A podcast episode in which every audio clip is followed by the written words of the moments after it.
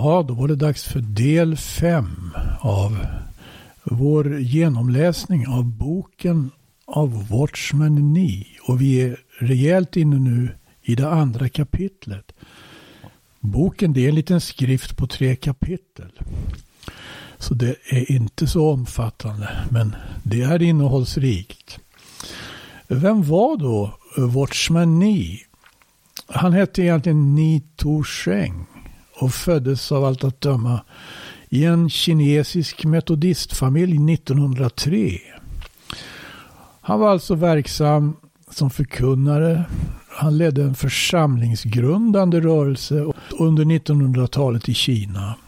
1920 då han var 17 år hamnade han i syndanöd i samband med väckelsemöten i Fuzhou i Kina och överlämnade sig åt Herren Jesus. Om hans många erfarenheter i Herrens tjänst kan man läsa i en biografi om honom skriven av Angus e. i Kinjar som finns på svenska och har titeln Orubblig tro. När kommunistpartiet tog över Kina blev de kristna häftigt förföljda. Watchman Nee fängslades år 1952 och fick sitta resten av sitt liv i fängelse. Fram till 1972. Innan dess hade han bland annat hunnit skriva många böcker eller fått böcker skrivna åt sig med innehåll från hans predikningar. En av de böckerna läser vi alltså igenom nu. Och vi ska fortsätta.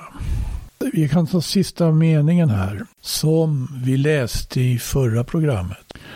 Han talar om själens kraft, om att böner kan vara så riktade i själens, i själisk kraft att människor påverkas av det. Eh, det är en bestämd princip för själen. Det är lika säkert som att en person blir bränd om han håller fingret i elden. Av den anledningen borde vi inte be någon bön där vi begär att någon ska bli, att någon ska bli bestraffad ifall han inte gör vad som förväntas av honom. Sådana böner kommer att orsaka lidande för honom och således göra den som ber en sådan bön till en tillskyndare av hans eh, lidande. Om vi ber så bör vi be till Gud och inte i riktning mot någon människa. Jag har personligen erfarit hur sådana böner gjort illa. För några år sedan låg jag sjuk i över ett år. Det var tack vare fem eller sex personer som hade hopat böner över mig. Ju mer det bad, ju svagare blev jag. Till slut så upptäckte jag vad som var orsaken. Jag började stå emot sådana böner och jag bad till Gud att han skulle lösa mig från det som de hade bedit om. Så blev jag bra igen. I detta sammanhang vill jag citera från ett brev som en troende person har skrivit. Han skriver Jag har just kommit igenom ett förfärligt angrepp från fienden. Blödningar, hjärtproblem, flämtningar av uttröttning. Hela min kropp nära att kollapsa. Det slog plötsligt ned i mig medan jag var stadd i bön att jag skulle be mot all den psykiska kraft som utövades mot mig genom själiska böner. Genom tro och i kraft av Kristi blod högg jag mig själv loss från detta. Och resultatet var anmärkningsvärt. Direkt blev min andning normal. Blödningarna upphörde. Tröttheten försvann. All smärta flydde och livet återvände till min kropp. Jag har allt sedan dess fräschats upp och erfarit styrka. Gud lät mig förstå som en bekräftelse genom denna befrielse att mitt tillstånd var påverkad, påverkat genom en grupp bedragna själar, vilka är mina motståndare, och som bad för mig. Bad inom citationstecken. Gud har använt mig för att befria två av dem, men de övriga befinner sig i en otäck avgrund. Slut på citat. Nästa stycke har rubriken Kraft att tjäna. Om någon som är erfaren i Herren närvarar i ett väckelsemöte så kan han tala om ifall predikanten använder själisk eller andlig kraft.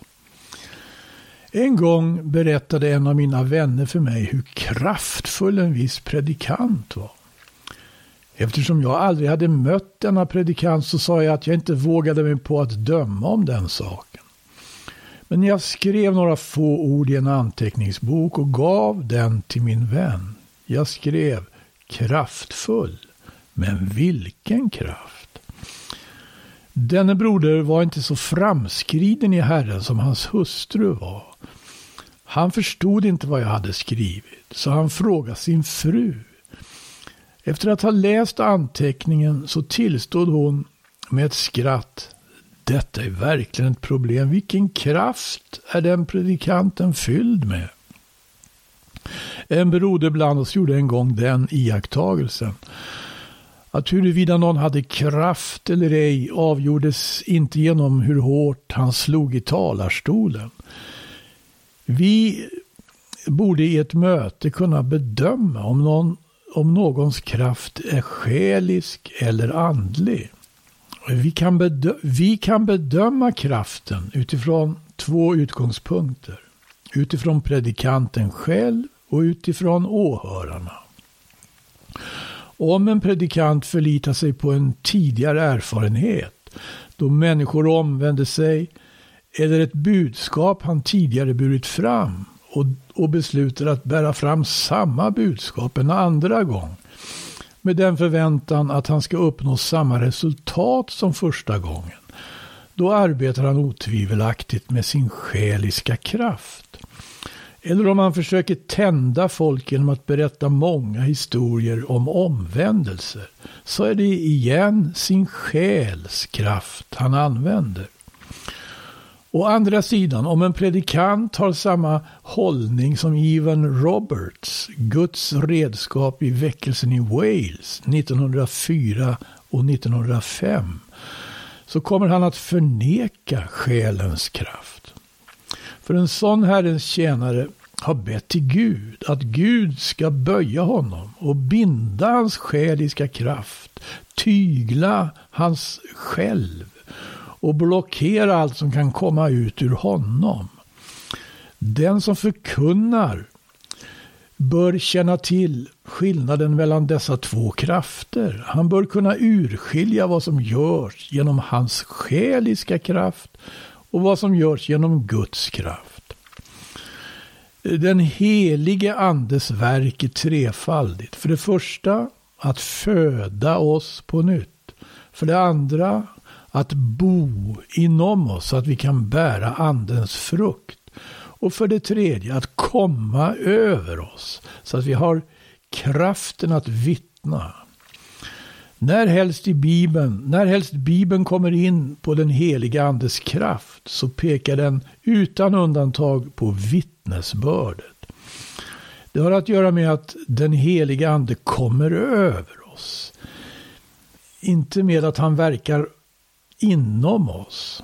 Det är klart att den heliga andes kraft är för att verka. Dess inneboende är för att bära frukt. Den heliga andes kraft talas i Bibelns grundtext alltid om som att den faller på eller kommer över oss. Medan det om den fruktbärande sidan av den heliga ande talas om som att den förblir i oss. Varför talas det om den heliga andes verksamma kraft som att den kommer över oss? Därför att den verksamma kraft som den heliga ande ger dig är utanför dig. Du kan inte vara säker på den. Därför, om i ett möte folk frågar dig om det kommer att bli ett bra möte idag, då måste du erkänna att du inte vet någonting om det. För kraften är utanför dig. Den heliga andes kraft ligger bortom din kontroll.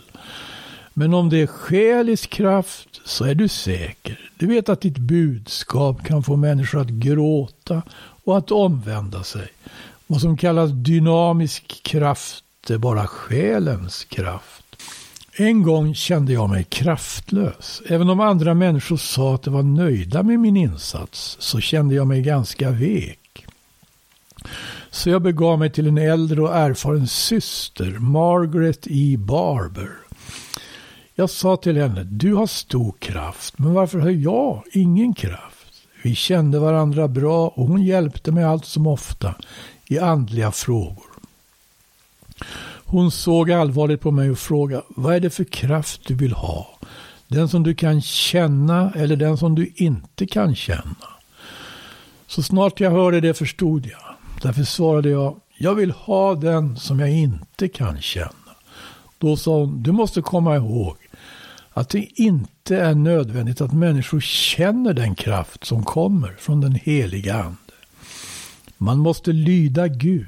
Den heliga Ande är inte given för att människor ska känna saker och ting. Att förnimma något i anden, det är en annan sak. Ja, så sa systern. Min plikt är alltså att be Gud att han binder min själs kraft, det vill säga min egen kraft. Jag bör lyda Gud till hundra procent. Det övriga överlämnar jag åt honom att utföra. Om vi verkar med själens kraft så kan vi känna den så som hypnotisören gör. Det vet vilka resultat det kan få genom att göra vissa saker. Det vet från det första steget till sista steget. Farorna med predikstolen ligger i det faktum att för många predikanter, alldeles för många predikanter inte vet att de använder sin egen själiska kraft. De tror att de har kraft, men det brukar vara psykologisk kraft för att vinna människor. En del har antytt att predikanter har blivit experter på att använda psykologi för att manipulera människor. Men jag förkastar bestämt sådan manipulation. För även om vi vet hur vi ska dra människor med psykiska metoder så borde vi avsiktligt undvika att använda någon psykisk kraft. En gång tjänade jag i Shantung. En professor där sa till sina kollegor dessa predikanter arbetar med känslor. Det hände sig att när jag predikade för människor den kvällen så sa jag till dem hur onyttiga känslor var och hur lite beroende man var av dem. En professorskollega till den professor som hade hört honom säga att predikanterna arbetar med känslor var också närvarande i möteslokalen. Efter att han hade hört mina ord sa han att det var synd att inte professorn som hade talat med honom också var där. Låt oss komma ihåg att allt verk som görs genom känslor kan såväl ifrågasättas samt betraktas som övergående. I det verk som utförs genom den heliga andes kraft behöver en människa inte anstränga sina egna krafter eller göra något av sig själv. Om något utförs genom själsstyrka så måste man bruka massor av energi och tillämpa otaliga metoder som att gråta, skrika, hoppa, sjunga körer utan ände eller dra ett antal rörande berättelser. Jag säger inte att lovsånger och berättelser inte får användas, men att allt måste göras inom det ändamålsenliga ramarna. För användandet av dessa metoder tjänar inget annat syfte än att försöka tända publiken. Vi vet alla att en del personer har någon slags magnetisk attraktionskraft. Även om det inte är mer rättvisa eller mer framstående än andra på något sätt kan det inte desto mindre dra människor till sig. Ofta har jag hört människor säga du har ett stort inflytande över den och den. Varför ser du inte till att få tag i honom? På det svarar jag det tjänar ingen nytta. För det kommer bara att vara naturligt. Det är inte andligt alls. Många misstar kristendomen för att vara någon slags psykiskt fenomen. Som om den tillhörde psykologins område. Vi kan verkligen inte klandra dem därför att vi troende är det första att göra det misstaget. Om inte Guds kraft drar dina föräldrar eller dina barn så kommer din naturliga attraktionskraft, hur stor den än är, inte att vara till något gagn. Även om du kan dra den med din dynamiska kraft, vad, om något alls, är därmed vunnet. Nästa stycke har rubriken Frid och glädje. Vad är det högsta man kan uppnå i kristendomen? Det är en fullkomlig förening med Gud och ett fullständigt förlorande av sig själv. I modern psykologi finns också det som kallas för människans förening med det osynliga sinnet. Vilket orsakar att hon förlorar sin identitet. Detta verkar likt kristendomen, men i verkligheten ligger dessa båda långt ifrån varandra. Den populäre Dr. Frank Bushman, som tillhörde Oxfordrörelsen, anlitade detta slag av psykologi. Ett inslag i hans undervisning handlade om meditation. Han ansåg att meditation var allt som behövdes i människans kommunikation med Gud. Han uppmanade inte människor att läsa Bibeln dagligen. Han uppmanade dem bara att meditera och att be. Den första tanke som kommer till en efter bön, sa han, det är den tanke som blivit given av Gud. Och man måste leva eh, genom dagen med den tanken. Och vem skulle kunna föreställa sig något annat om detta än att det är en annan form av att sitta tyst eller av så kallad abstrakt meditation. Vad leder sådan meditation till? Man får höra att den kommer att göra en fridsam och glad. Om du tyst riktar in din tanke på vad det vara må under en timme så kommer du också att få vad som kallas frid och glädje. Även om du abstrakt mediterar under en timmes tid utan någon bestämd tanke så kommer du ändå inte att missa denna så kallade frid och glädje. Många människors meditation är bara en slags psykisk operation. Inte så den kristna tron. Vi behöver inte meditera över Gud, för vi har redan Guds liv.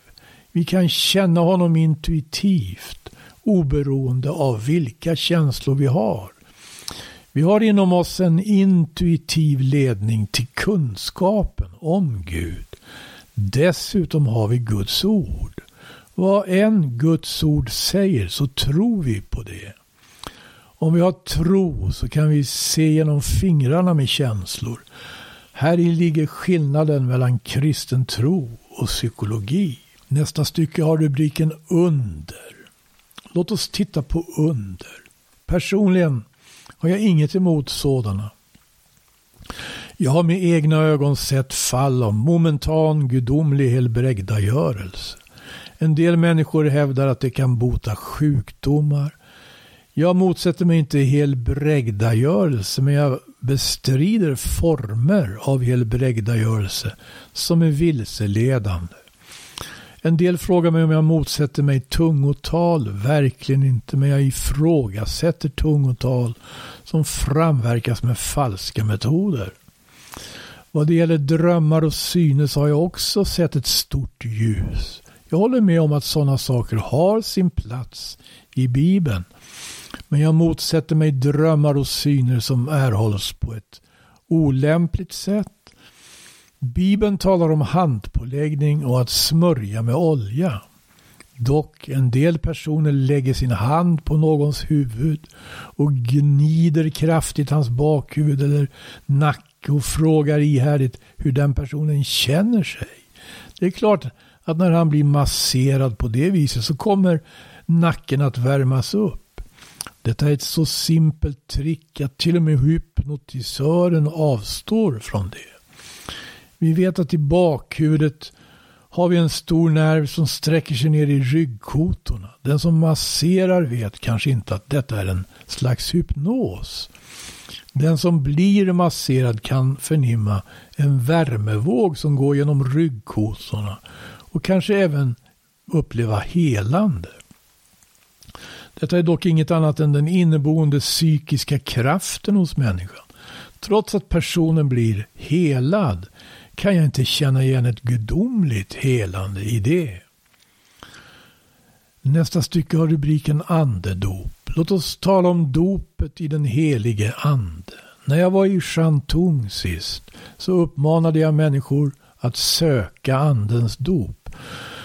Dock kan jag inte vitsorda när man stänger in många människor i ett litet rum i flera dagar för att fasta, bedja och sjunga körer. Skulle man göra det så tar det inte lång tid innan hjärnan domnar, viljan blir passiv och läpparna börjar möjligen yttra underliga och osammanhängande läten eller ord. På det viset frigörs människors inneboende kraft. I ett möte där man söker andens dop kan folk ropa halleluja tusentals gånger. Eventuellt blir hjärnan slö, sinnet blir paralyserat och så börjar det se syner. Hur kan någon uppfatta detta som andens dop? Det är inget annat än själiskt dop. Vad det får är inte den heliga andes kraft, utan det är själisk kraft. Det är manifestationer av själens latenta kraft.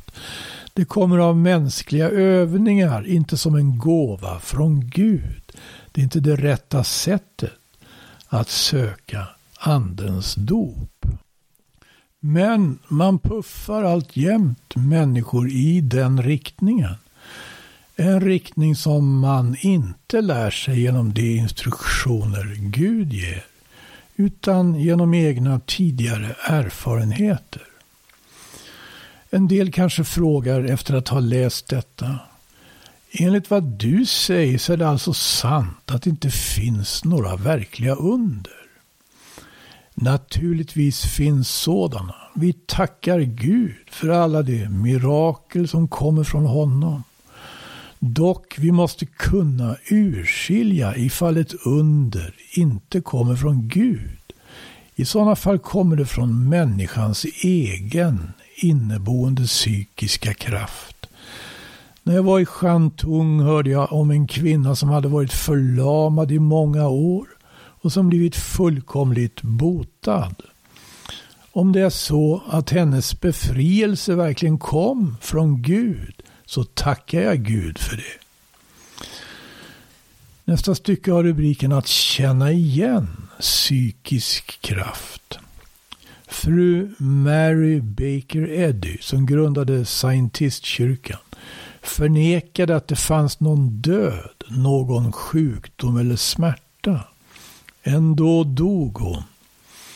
Hur som helst, Kristi vetenskapliga kyrka överlevde henne och fortsätter ha framgång. De instämmer fortfarande i den uppfattningen att om en sjuk person tror sig inte vara sjuk så kommer han inte att känna smärta. Om en döende tror att han inte kommer att dö så kommer han inte att dö. Som en följd av det blir många människor helade. De som förespråkar detta slag av föreställningar försöker bara att stärka människans psykiska kraft för att befrias från fysisk sjukdom. Genom frigörandet av människans latenta själskraft blir kroppslig svaghet övervunnen. På grund av att själens inneboende kraft utvecklas så sker allt fler under numera. Bland dessa under är många övernaturliga och mirakulösa. Men allt detta är bara manifestationer av själens inneboende kraft. Även om jag inte är profet så har jag läst böcker om profetior. Jag har förstått att hädanefter kommer själens inneboende kraft att manifesteras på ett mer omfattande vis. För under de sista dagarna kommer fienden att komma över människans psykiska kraft för att fullborda hans verk, fiendens verk. Om han lyckas att komma över denna kraft så kommer han att kunna göra stora under. Så långt ur boken av Watchman E för den här gången. Och det sista vi läste ligger väl någonting i, gör det inte? Jag kommer att tänka på Matteus evangeliets 24 kapitel. Där Jesus talar om ändens tid, de sista dagarna. Det heter i 24 versen att människor som falskeligen säga sig vara Messias ska uppstå. Så och falska profeter och det ska göra stora tecken och under. För att om möjligt förvilla jämväl de utvalda. Ett allvarligt varningsord